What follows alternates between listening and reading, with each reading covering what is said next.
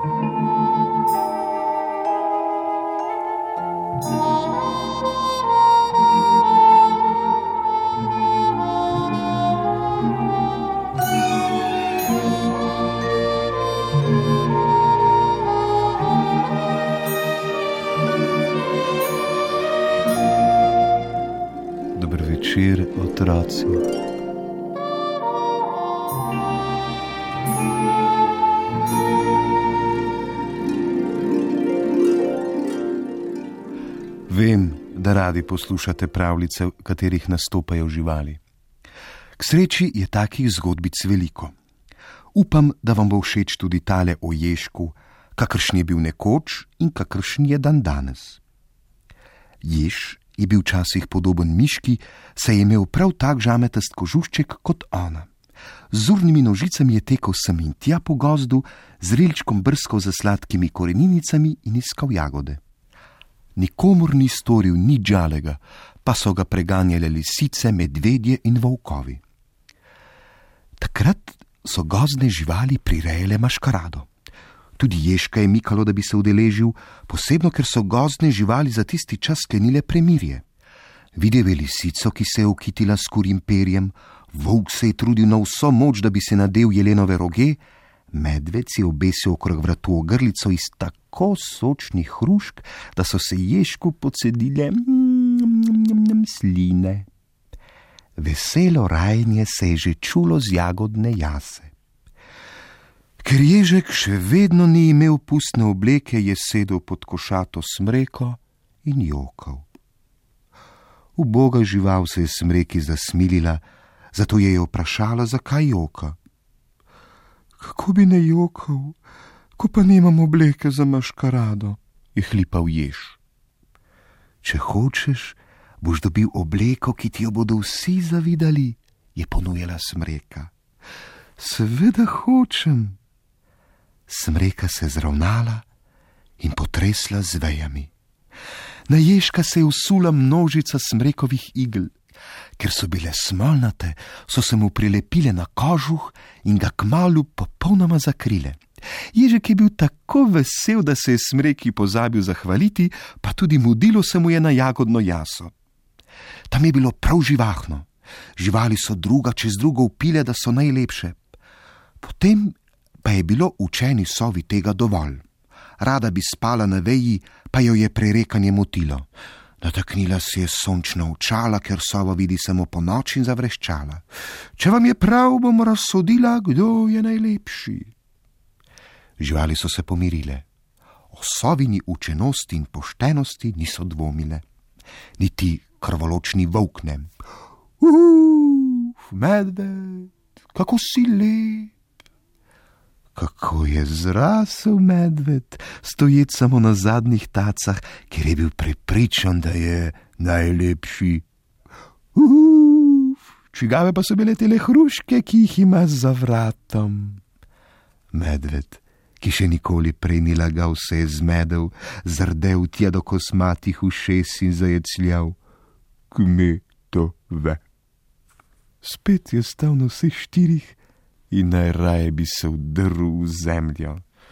Torej si kradel, je vprašala sova. Kdor krade, ne more biti najlepši. Medved pa ni dal od sebe niti glasu. Potem se je našopiril volk z jelenovim rogovjem. Uf, kako si lep volk, je hvalila sova. Kje pa je tisti jelen, ki se je včeraj pasel na jasi? Ne vidim ga med vami. Požoril sem ga, je zarenčal volk. Uf, kdo ubija, ne more biti najlepši, je zaplehutala sova. Če ne priznaš, da sem najlepši, bom požoril tudi tebe, je grozil volk in poželjivo gledal na vejo. Sove pa volkovi groži ni bilo strah, vedela je, da je veja, na kateri sedi, dovolj visoka. E, torej, sem jaz najlepša, se je na zadnjih tacah prizibala lisica. Najmodrejša, vedela sem, da se ne boš zmotila. Uf, je rekla sova, prilizuj se, kolikor hočeš. Kje pa so tiste kokoške, ki so ti posodile perje za maškarado? Draga sova, slabo slišim, se je delala lisica. Ne morem splezati na drevo, tebi pa ni težko zleteti dol, pa mi boš še enkrat povedala, kaj si rekla, da sem najlepša, kaj ne da? Sovi, še na misel ni prišlo, da bi zletela na tla, ker je vedela, kako se lisica že naprej oblizuje. Poglejte, ježka! Je zavrčala sova tako glasno, da se je tudi naglušna lisica zatisnila v šesa s tacami. Najlepši je, najlepši, je ponavljala sova.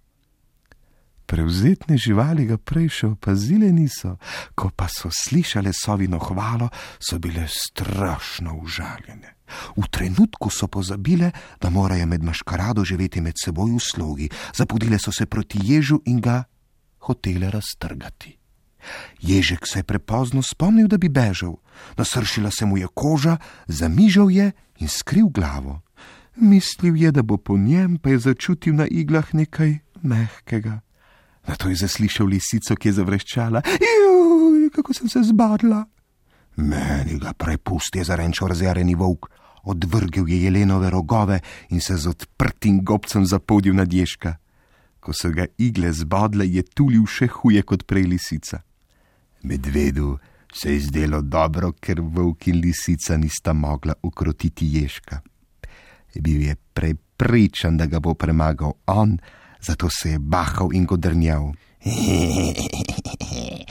Tako majhno niče, nič večje od miši ne more biti najlepše v gozdu. Stegnil je taco, da bi pomendral ježa, pa jo je brš umaknil in ker je hotel bolečo taco oblizniti, je z njo zadev verižico iz hrušk, ki se je strgala, in slastni rumeni sadeži so se skotrljali na tla, prav pred ježka.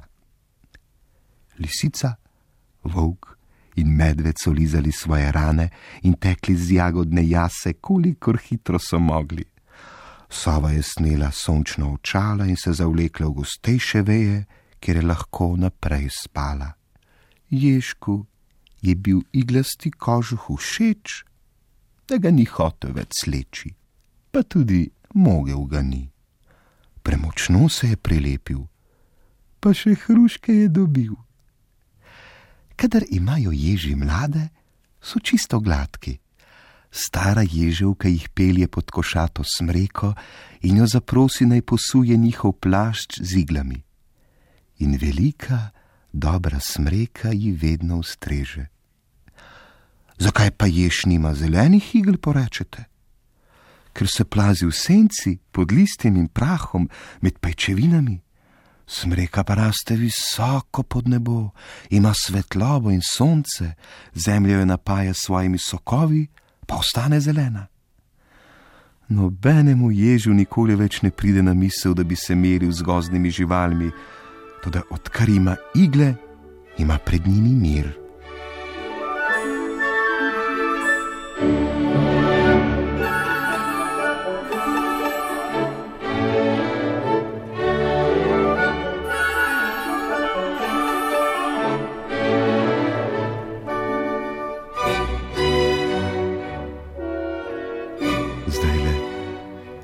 Čas, da vam dam mir in vam zaželim lahko noč in lep jutrišnji dan.